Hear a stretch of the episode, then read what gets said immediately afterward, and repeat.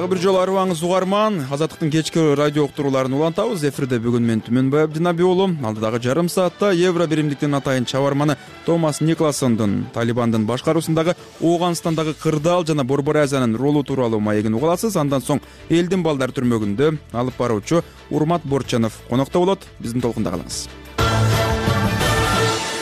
Азыр соңку жаңылыктар. Микрофондо эрнис нурматов рахмат саламатсызбы он бешинчи февралда бишкектин биринчи май райондук сотунда жогорку кеңештеги бүтүн кыргызстан фракциясынын лидери адахан мадымаровдун иши боюнча соттук териштирүү уланды. Отурумда кемпир абад ишине байланыштуу абакта жаткан оппозициялык саясатчы азимбек бекназаров күбө катары көрсөтмө берди. Бул жолку соттук жараян ушуну менен аяктады. он үчүнчү февралдагы соттук отурумда күбөлөр суралып жаткан учурда судья адахан мадымаровго үч жолу эскертүү берип сот залынан чыгарып салган жана жараян анын катышуусуз уланган адахан мадумаровго эки кылмыш иши козголуп бир өндүрүшкө бириктирилген. Анын биринде кыргыз тажик чек арасындагы тилке боюнча эки миң тогузунчу жылы протоколго кол койгон үчүн ага мамлекеттик чыккынчылык деген беренме менен айып тагылууда президент садыр жапаров буга чейинки маектеринде ошол протоколдун айынан баткендеги төрт көчө талашы жаралып жатканын билдиргени бар. Адахан мадумаров ал протоколдун юридикалык күчү жок экенин айтып келет орусия бүгүн он бешинчи февралда да украинанын бир катар шаарларына анын ичинде борбор калаа киевке ракеталык чабуул жасады. Бул тууралуу украинанын аймактык жана жергиликтүү бийлик өкүлдөрү кабарлашты. Ракеталардын көбү атып түшүрүлдү айрымдары турак жайга тийип адамдар жабыркады. Ал эми орусия батыш аймагындагы курск шаарынан анча алыс эмес жерде мунай базасында өрт чыкканын маалымдап буга украинаны айыптады. Орусия украинага басып киргенине эки жылга жакындады жайыл райондук ички иштер бөлүмү аймактык ооруканада төрөт учурунда каза болгон аялдын өлүмүнө байланыштуу териштирүү баштады. Бул тууралуу маалыматты азаттыкка чүй облустук ички иштер башкармалыгынын басма сөз кызматы ырастады факт тиешелүү формада катталып материалдар каралууда кылмыш иши козголо элек. Мунун алдында төрөттөн каза болгон келиндин жакындары азаттыкка комментарий берип маркумдун өлүмүнө дарыгерлердин шалаакылыгы себеп болгонун билдиришкен алар буга байланыштуу дарыгерлерге чара көрүп берүү өтүнүчү менен жайыл райондук милициясына арыз жазышкан. Он экинчи февралда аталган аймактык ооруканада э, отуз алты жаштагы келин төрөттөн кийин көз жумган ымыркайдын абалы жакшы экени кабарланган мындан улам жайыл райондук аймактык ооруканасынын директору анын орун басары жана башкы медайым ээлеген кызматтарынан бошотулган. Саламаттык сактоо министрлигинин маалыматына караганда эки кыргызстанда эки миң жыйырма экинчи жылы кырк бир аял эки миң жыйырма үчүнчү жылы отуз сегиз аял төрөттөн каза болгон кыргызстандын тышкы иштер министрлигини э, бишкек э, жылуулук электр борборундагы жарылууда жабыркаган жана тиги учактын кулашынан жабыркап түркияда дарыланып жаткан төрт кыргызстандыктын абалы жакшыра баштаганын маалымдады. Министрлик он бешинчи февралда адана мамлекеттик илимий ооруканасынын дарыгерлерине шилтеме берип бейтаптар өздөрүн канааттандырарлык сезип калышканын маалымдады. он жетинчи январда бишкектеги тиги учак кырсыгынан жана экинчи февралда жылуулук электр борборундагы аварияда жабыркаган кыргызстандык төрт бейтап э, төртүнчү февралда президенттик туу жүз элүү төрт учагы менен түркиянын адана шаарына дарылануу үчүн жеткирилген кыргызстанда быйыл дыйкандарга буудай кант кызылчасы жана май өсүмдүктөрүнүн аянтын көбөйтүп картошка менен пактанын эгилген аянттарын азайтуу сунушталат. Бул тууралуу министрлер кабинетинин төрагасынын орун басары суу ресурстары айыл чарба жана кайра иштетүү өнөр жай министри бакыт төрөбаев он бешинчи февралда маалымат жыйында билдирди. Төрөбаев быйыл кыргызстанда өндүрүлгөн алтымыш продукция экспортко чыгарылаарын айтып бул үчүн ириде алардын сапаты жакшы болушу зарыл экенин белгиледи. Чоң рахмат соңку жаңылыктарды эрнис нурматовдон уктуңуз. Биз эми уланталы кечээ бишкекте евро биримдиктин жана борбор азия өлкөлөрүнүн ооганстан боюнча атайын өкүлдөрүнүн жолугушуусу өттү брюссельдин атайын чабарманы томас никлассон талибандын башкаруусундагы ооганстандагы кырдаал жана борбор азиянын ролу тууралуу азаттыктын суроолоруна жооп берди. Азыр ошол маекти уксак бишкекте ооганстандагы соңку кырдаал боюнча евро биримдик жана борбор азиянын өкүлдөрү катышкан атайын жыйын болуп өттү. Бул иш чарага евро биримдиктин ооганстан боюнча өкүлү томас николсон дагы катышты. Ал азаттыкка азыр маек курат.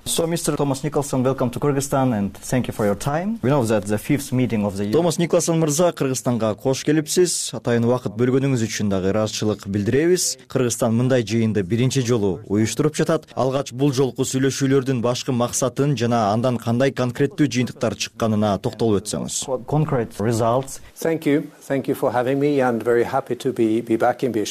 Рахмат. Бишкекке кайрадан келгениме кубанычтамын. Бул жыйын брюссельдеги жана борбор азиянын башка аймактарындагы окшош форматтагы бир катар жолугушуулардан кийин өтүп жатат. Евро биримдиктин борбор азия жана ооганстан боюнча өкүлдөрү менен чөлкөмдөгү беш мамлекеттин ооганстан боюнча чабармандардын ортосундагы бейформал жолугушуу болду. Сиз айткандай бул жолу жыйынды бишкек уюштурду бүгүн биз ооганстандагы кырдаалга байланыштуу талдоолорубузду жана өнүгүүлөргө мүмкүнчүлүктөргө көйгөйлөргө карата көз караштарыбызды бөлүштүк. Бишкектеги сүйлөшүү бир нече күндөн кийин дохада баштала турган эл аралык жыйындын алдында өттү. Бул тууралуу балким алдыда да сөз кыларбыз. Жыйын ооганстанга байланыштуу маалыматтарыбызды күткөн нерселерибизди салыштырууга жана бизди бириктирген көп жагдай бар экенин түшүнүүгө мүмкүнчүлүк түздү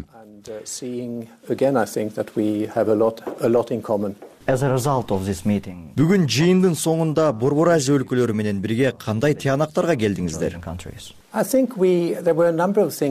бүгүн бир нече маселени уктум. Борбор азиянын өзгөчө ролу бар экенин баарыбыз тааныйбыз. Ооганстандагы кырдаалдын чөлкөмгө түз таасири бар. Орток тарых айрым учурда орток чек аралар бар. Чөлкөмдө ооганстандын борбор азиядагы кызматташтыктын бир бөлүгү катары өнүксүн деген так каалоо бар. Кээде ооганстанга карата региондун өзүнчө саясаты болушу керек деген ойлор айтылып келет. Биз мындай зарылчылык бар дегенге кошулабыз. Бирок бүгүн укканымдай жана өзүм тыянак чыгарганымдай регионалдык аракеттер жетиштүү эмес башка өлкөлөрдүн да колдоосу жардамы керек. Ушул тармакта евро биримдик салым кошулат. Биз донор тарап гана эмес борбор азиядагы беш мамлекеттин кубаттоого татырлык саясий өнөктөшү боло алабыз деген сезимде калдым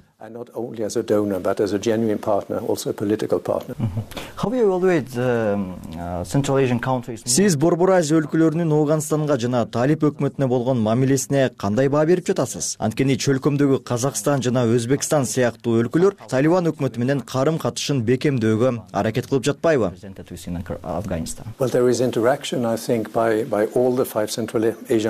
Мындай алакка катышты борбор азиядагы беш мамлекеттин баарынан көрсө болот. Европа өкүлдөрү да кабулда иштеп жатышат. Өзүм да өткөн аптада ооганстанга барып бир катар сүйлөшүүлөр менен катар де факто бийликтин өкүлдөрү менен жолуктум. Биз бүгүн ушул маселени да сүйлөштүк. Ооганстан менен байланышта болушубуз керек. Ооган элине колдоо көрсөтүүнү улантышыбыз зарыл. Ошол эле учурдагы абалыбыздан дагы алдыга жылышыбызга тоскоолдук жараткан кыйынчылыктар бар.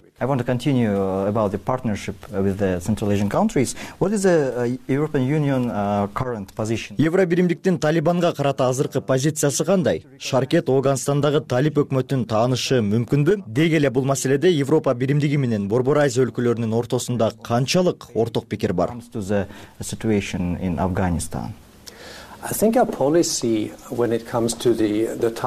Талибан эки миң жыйырма биринчи жылдын август айында ооганстанды басып алгандан бери аларга карата европа биримдигинин позициясы салыштырмалуу түрдө өзгөрүүсүз келе жатат. Биздин тышкы иштер министрлерибиз өз тыянагын чыгарышат. Европа кеңешинин корутундусу да бул маселе боюнча саясатыбызды так аныктап ал былтыр март айында жаңыртылган. Биринчиден биз ооган элине көңүл буруу маселесин биринчи планга коебуз. Экинчиден биз европанын кызыкчылыгына да көңүл бурушубуз керек. Үчүнчүдөн ооганстандын обочудо калышы биздин кызыкчылыгыбызда эмес. Бул бир миң тогуз жүз токсонунчу жылдардагы окуялардын сабагы десек болот. Ошол кезде мындай саясат иштеген эмес биз карым катнашка ачыкпыз. Кайсы бир убакта белгилүү бир шарттар аткарылганда алака нормалдашып акырында таануу маселесине келишибиз мүмкүн. Бирок ал үчүн мен айтып өткөн көйгөйлөр чечилиши керек. Адам укуктары бир маселе инклюзивдүү өкмөт түзүү жагы экинчи маселе. Албетте коопсуздук маселеси да бар. Ооганстандыктарга өлкөдөн эркин чыгуусуна уруксат берилиши керек. Гуманитардык жардам да тоскоолдуксуз жеткирилиши шарт. Бирок мен адеп айткан үч маселени башкача айтканда адам укуктары инклюзивдүү өкмөт жана коопсуздук маселелеринин алдын ала аткарылышы керек болгон негизги шарт деп атасаңыз болот. Бүгүнкү талкууда укканыбыздай алар өткөн жылдын соңунда бириккен улуттар уюмунун көз карандысыз эксперттеринин баалоосунда белгиленген позицияга жакындап баратат.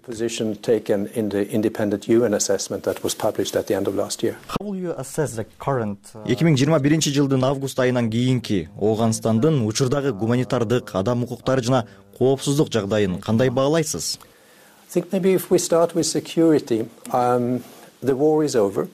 оболу коопсуздуктан баштасак согуш бүттү көпчүлүк оогандар коопсуздук жагынан чоң илгерилөө болуп жатканын айтышат. Мен соңку жыйырма жылдык эмес бир миң тогуз жүз жетимиш биринчи жылы орустар ооганстанга кирген кырк жыл мурунку согуштан тарта айтып жатам. Ошол эле маалда жеке бирөөнү алсак согуш бүткөндөн улам көпчүлүк оогандар өлкө ичинде кенен кесир жүрүп калды. Ал жагын алганда өлкө мурдагыдан коопсуз болуп барат. Ошол эле учурда көпчүлүк ооган аялдардын абалына абай салсаңыз алардын жагдайы башка. Көп нерселер чектелген. Алардын баары мектептин жогорку классында жана университеттерде билим алуу мүмкүнчүлүгүнөн ажырады. Кайсыл бир тармактарда иштей албай калды. Айыл чарбасында жеке сектордо алектенген аялдар бар кээ бир секторлордо чектөөлөр бар аялдар үйлөрүндө камалып калды тышка чыга албай калды. Бул көп аялга психикалык социалдык же менталдык жактан таасир эткенин алар менен түз жана кыйыр сүйлөшкөндө байкап жатабыз тилекке каршы үй бүлөлүк зомбулук олуттуу түрдө көбөйгөнүн өз жанын кыйгандар арыбын экенин билебиз. Ооба жалпы өлкөнүн деңгээлинен алып караганда коопсуздук маселеси оң жагына чечилген. Бирок анын ичине терең көз салсак албетте өлкөгө тынчтык орной элек. Алдыда тынчтыкты орнотуп аны туруктуу кармап туруу жолун табуу зарыл дагы башка көйгөйлөр бар. Алардын бир тобу биздин бишкектеги жыйында да айтылды. Согушкерлер террордук топтор ооганстанда ишмердигин жүргүзүп же болбосо баш калкалап жүргөнүнө көз жумуп коюп жатышат. Бул албетте коңшу өлкөлөрдүн тынчын алган чоң көйгөй. Ошондой эле андан алыс турган европа өлкөлөрүн бизди дагы ар кандай чабуулдардан ооганстандын ичинде даярдалып жатышы тынчсыздандырбай койбойт. Гуманитардык кырдаал көп нерсеге милдеттендирет. Ооган элинин жарымы гуманитардык жардамга муктаж. Евро биримдик акш жапония дагы бир нече өлкө жардам көрсөтүүдө. Эки миң жыйырма биринчи жылдын августунан бери евро биримдик алты жүз миллион еврону гуманитардык жардамга бөлдү андан кийин дагы алты жүз миллион жалпысынан бир бүтүн ондон эки миллиард еврону ооган калкынын күндөлүк керектөөсүнө саламаттык сактоо айыл чарбасы жана билим берүү тармактарын колдоого бердик. Азыр дүйнөдө суроо талапка болгон жарыш күчөгөнүн көрүп турабыз. Саясий жүйөлөр гана эмес маселе каражатка барып такалат биз дүйнөдө башка кризистерге күбө болуп жатабыз. Европада согуш орусия украинага ар тараптан басып кирди. Жакынкы чыгышта африканын айрым кризистер уланууда. Өткөн жылда көрүнгөндөй гуманитардык милдетти аркалоого бөлүнгөн каражат жетишсиз болуп калды. Быйыл ошондой эле көрсөткүч болобу деп чочулап турам. Адам укуктарына келсек кыргызстандын экс президенти роза отунбаева жетектеген улуттар уюмунун ооганстанга жардам берүү миссиясынын деталдуу баяндамасы жарыяланды. Ошондой эле атайын баяндамачы ричард беннеттин да доклады бар. Жалпы кырдаал жан ачытат биз кыз келиндердин укуктары тууралуу такай айтып жазып келатабыз. Ошондой эле журналист катары сизге дагы маанилүү болгон сөз эркиндиги жана эркин чогулуу укугу өлкөдө укуктук аныксыздык бар. Маселен биз кайсы конституция кандай укуктук ченемделиштерин билбейбиз. Албетте саясий башкарууга байланышкан маселелер дагы буга кирет. Бул багытта кырдаал көңүл жубатарлык эмес. Мен канчалык позитивдүү болгум келгени менен тилекке каршы жагдай өтө бүдөмүк it's a bleak situation uh, i would like to see and i always try to be positive but on this specific and very important area unfortunately the picture is pretty dark looking to the previous statement of taliban regime uh, they was талибан режими буга чейинки билдирүүсүндө инклюзивдүү өкмөт курарын билдирип келген. Бирок биз азыр талибан андай кылууга кызыктар эмес экенин көрүп турабыз. Буга эмне себеп? I think you should ask them but i could perhaps give some arguments why i think it would be. Аны талибандан сурасаңар болмок мен болсо өзүмдүн кайсы бир аргументтерим менен бөлүшсөм. Бул эми талибандын кызыкчылыгындагы иш болмок. Бул кабулдагы биздин сүйлөшүүлөрдүн да бөлүгү экенин белгилей кетейин. Алар чындыгында инклюзивдүү өкмөт деген эмне экенин көрө албай жатканын айтышат. Бул терминдин маңызы түшүнүксүз экенин белгилешет алар биз инклюзивдүү өкмөтпүз анткени талибанга тиешеси жок. Көп адамдар министрликте иштеп жүрүшөт. Бизде бир эки пуштун эмес министр же министрдин орун басары бар деп айтышат. Алардын дагы аргументи буга чейинки ислам республикасынын мурунку өкмөтү деле инклюзив эмес болчу деген жүйөнү айтышат. Менин оюмча бул маанилүү жүйө чын эле шайлоо сыяктуу жараяндар өткөнү менен көп оогандар ал өкмөттү алардын кызыкчылыгын эске алган инклюзивдүү өкмөт деп саначу эмес. Ал өкмөттүн тагдыры эмне менен бүткөнүн көрдүк. Тилекке каршы бул биринчи жолу болгон жок. Оогандардын тарыхына сереп салсак бир топ келип согуштан кийин жеңгендер күчкө салып же ансыз эле бийликти алып алар өлкөнү бириктирип кармап тура беребиз деп ойлошчу. Ооганстан татаал көп этностук өлкө. Аймактар салт санаа тарых ар түрдүү. Андыктан мындай өлкөнү бириктирип кармап туруу дайыма татаал болгон. Өкмөт бийликте туруп өлкөнү көзөмөлдөш үчүн ар кыл этностук көз караштагы жааматтардагы адамдарга таасир этип алардын башын кошуусу керек. Мунун башталышы сөзсүз эле бийликти бөлүш эмес. Оболу жергиликтүү провинциалдык улуттук деңгээлде диалогду баштап алар элге кызмат кылуу ниетин калктын алдында жооптуу экенин билдирүүдөн баштоосу зарыл деп ойлойм. Бул жок дегенде ошондой аң сезимди ойготконго сигнал болмок. Биз кайсы бир деңгээлде диалог жүрүп жатканын көрүп атабыз. Бул жерде көп көп иштер жасалышы керек. Анан ооган өкмөтү инклюзивдүүбү же жокпу ага мен эмес ооган эли өзү баа бериши керек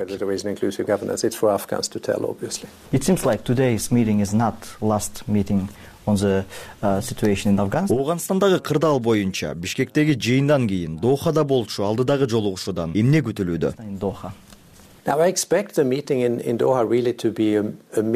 дохадагы жыйында биз талкуулай турган маселелер так болот деп ойлойм. Майдагы жолугушууда позицияларыбызды тактап сунуштарды салыштырганбыз. Эми болсо биз түз талкуулай турган маселелер такталды. Так план азырынча болбогону менен баарыбыздын аракеттерибизди камтыган жол картасын түзө турган элементтер белгилүү. Бүгүнкү жыйында бир топ маселелер айтылды. Мен көп өлкөлөрдүн өкүлдөрү менен сүйлөшөм дүйнөдө ооганстанга байланышпаган кооптуу окуяларга күбө болуп жатабыз. Геосаясатта өз таасирин тийгизбей койбойт. Ар кандай уюмдардын жана өлкөлөрдүн өкүлдөрү баарыбыз койгон максатка жетүүгө аракеттенебиз. Анткени ооганстандын келечегин курууга салым кошуу жалпы кызыкчылыгыбыздагы иш. Баардык темилге оогандардан чыгышы керек. Биз аларга кубаттуу ооганстанды курууга салым кошсок дейбиз. Тарыхты талкуулап өткөн заманда ким эмне ката кетиргенин териштирүүнүн ордуна аймактын дүйнөнүн жардамы менен адам укуктарын урматтап тынчтыкты орнотууга жетишүү башкы максат. Тарыхты талкуулап өткөн заманда ким эмне ката кетиргенин териштирүүнүн ордуна аймактын дүйнөнүн жардамы менен адам укуктарын урматтап тынчтыкты орнотууга жетишүү башкы максат. Андыктан ар бир нерседе этият болуу абзел дохадагы жыйын өтө маанилүү. Ал реалдуу жыйынтыктарга жетүүгө келечектеги маанилүү өзгөрүүлөргө жол ачмакчы.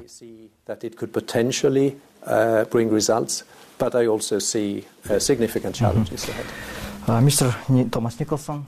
Томас николсон мырза убакыт бөлүп маек курганыңызга рахмат. Чоң рахмат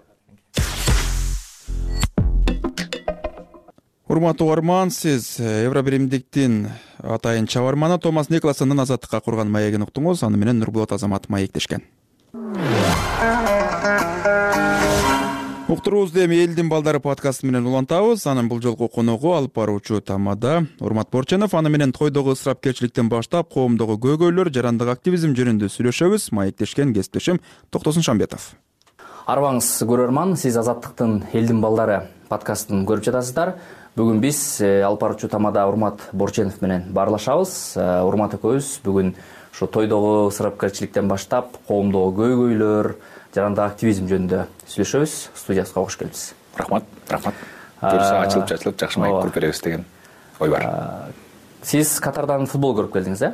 Мындай эмоционалдык сүрөттөрүңүздү көрдүк. Анан жыйынтыгы сизди кандай ойго салды? Биздин коомдо азыр таптакыр эле алмаштырыш керек баарын деп мындай кескин чараларды көргөнгө даяр эмеспи? Бир коомдун айрым бир бөлүгү мен футболго кызыкпайм. Э, жана чемпионаттарды эле көрүп коем дүйнөлүк чемпионаттарды эле.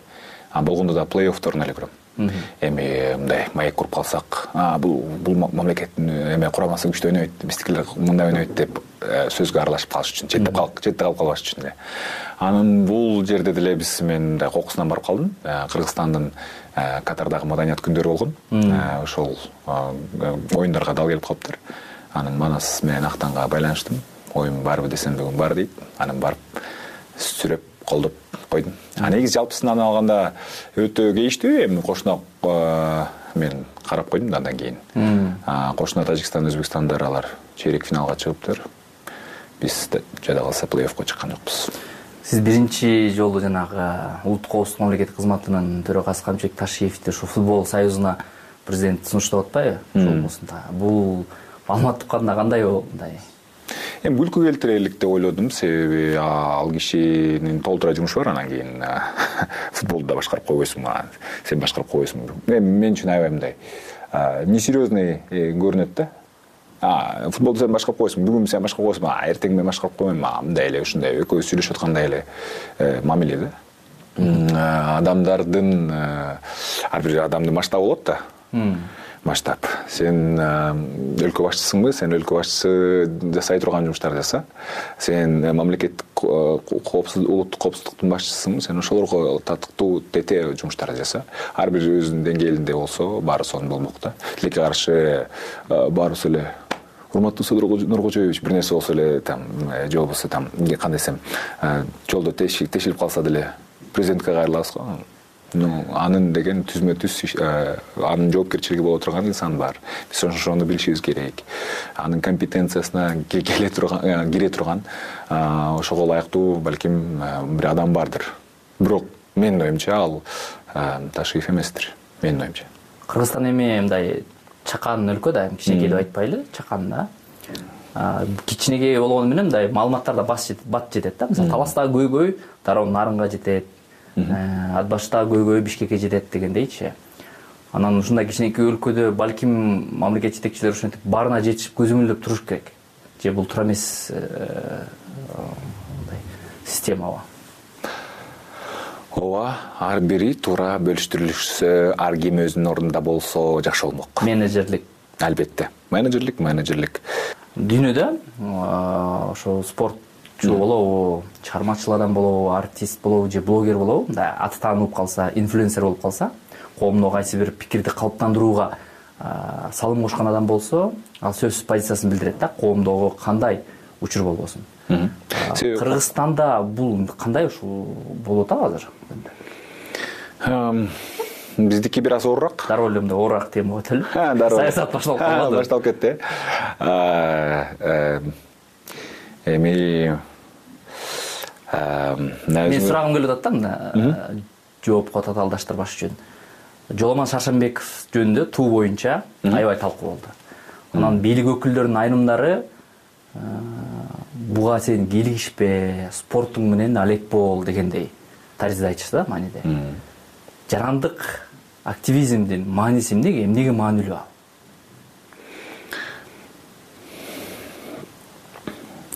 Ал кой болуп маарап жүрбөшчү атпайбы сен мурдуңду тыкпа сен койсуң сен унчукпай эле кой дегендей эле э, түшүнсө болот да аны. Ошондой кабыл алса болот. Ошондой э, кабыл алып буга каршы туруш керек. Биз э, бирок тилекке каршы биз койго көбүрөөк жакындап баратабыз да жоош болуппу момун унчукпай эмне себептен таң калыштуу бирок э, э, төш какканы менен биз эр жүрөкпүз укмуш эркинбиз орто азияда дагы демократия аралчасы деген сонун эмебиз бар го мындай.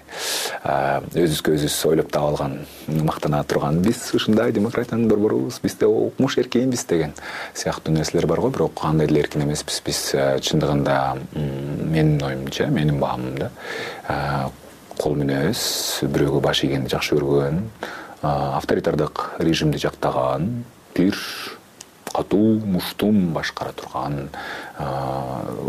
режимди ошого ыктаган эле калкпыз жөнөкөй эле менин баамымда азыр деле ошол деле азыр деле ошондой эле. Анан кийин эле кыйынбыз анан кыйратып атабыз анан биз деген ким жакпаса биз президенттин баарын кууп атабыз анан биз кыйратып атабыз бийликчил блогерлер. Бийликчил ушул коомдо белгилүү адамдар бийликти жактагандар. Бизге ушундай тартип керек бизди өнүгүүнүн жолуна түшүш үчүн мамлекет алгач ушундай тартип менен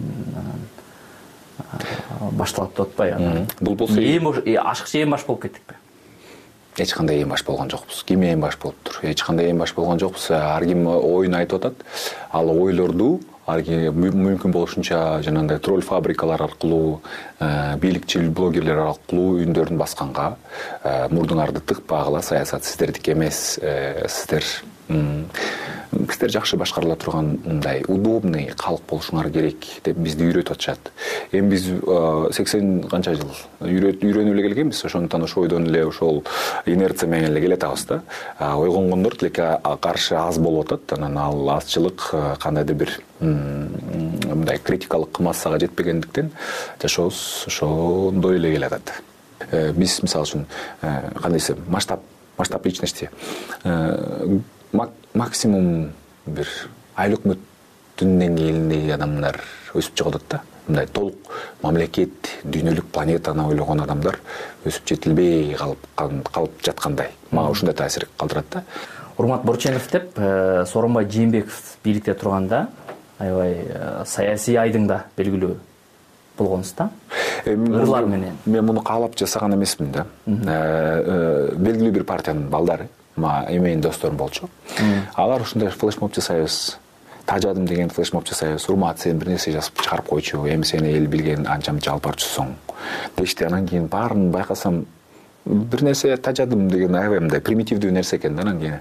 Баарын эсептей эле дагы ушуну бир ыр кылып чыгарсам кантет деп чыгарып койдум. Анан кийин мынчалык популярный болуп анан мынчалык адамдар кайра дагы экинчи үчүнчү төртүнчү бешинчи сериясын талап кылаарын э, күткөн эмесмин. Анан акырында жыйынтыгында ошол бешинчи алтынчы серия болуп анан жыйынтыкталды. Мен муну жыйыштырайын деп чечтим. Себеби мунун тилекке каршы таасири чоң эле окшойт. Анан э, жыйынтыгын тилекке каршы мындай шулундар башка э, туура эмес адамдар колдонуп кетиши мүмкүн экен. Ооба ушул учурда биз э, сураган себебим чыгармачыл адамдар кандайдыр бир жарандык позициясын билдирип баштаса бийлик тараптан азыркы эмес ар дайым эле бийлик тараптан кандайдыр бир басым болот дейт.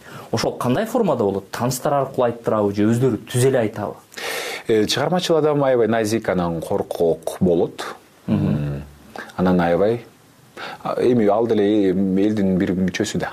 Ал туруп туруп эле мен бүгүн эр жүрөк болуп калдым дебейт да. Мен деле мисалы үчүн өтө коркок экенимди аңдадым түшүндүм ошон үчүн мен унчукпай эле жүрөм эч кимге сын айтпай эле жүрөм. Болбосо э, мен тетиги журналисттердин таламын талашкым келмек мен мисалы үчүн э, сотторуна барып сүйлөгүм келмек мисалы үчүн эми кандай десем жүрөгүм ошону каалайт.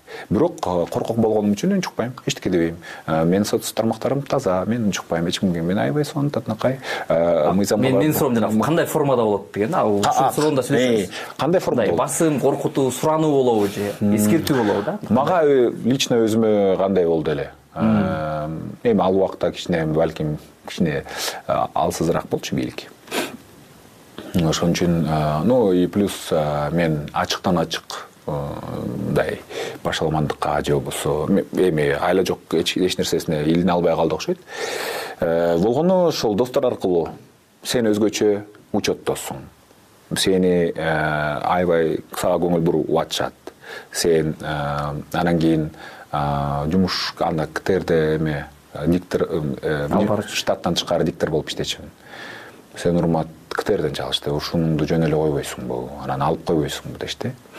Ушул ырларыңды алып койбойсуңбу дешти анан кийин мен айттым. Ну биринчиден бул ктрдин эфири эмес бул менин баракчам. А экинчиден бул менин оюм. Менин оюмду ачык айткым келет. Э, канча сурансаңар дагы албайт экенмин жумуштан алсаңар мен анда кубанычтамын деп болду.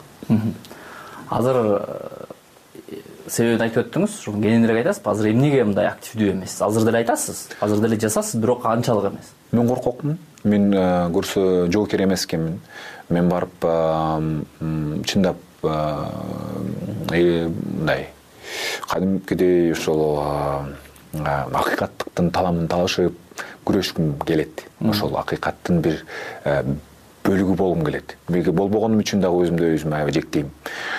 Бирок экинчи четинен коркок. Коркок экенмин. Эмне эмнеден коркосуз эмнеден корком? Ну мисалы үчүн айталы көп көп сүйлөп алдым. Же болбосо укмуш катуу постторду жазып чыктым. Эртеси келип алып туруп тыгып салышты мисалы. Эч ким эчтеке дебейт турбайбы сен элдин элдин сөзүн сүйлөдүң эч ким элдин ырысын жеп аткандарды ашкереледиң эч кимге баарына баары бир турбайбы? Супер.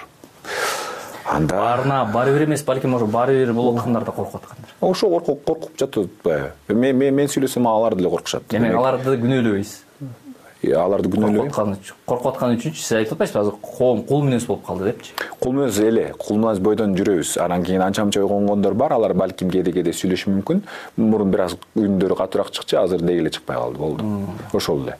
Ошо анан кийин биз деле ошол коркоктордун катарын токтоп унчукпай татынакай болуп жүрөбүз.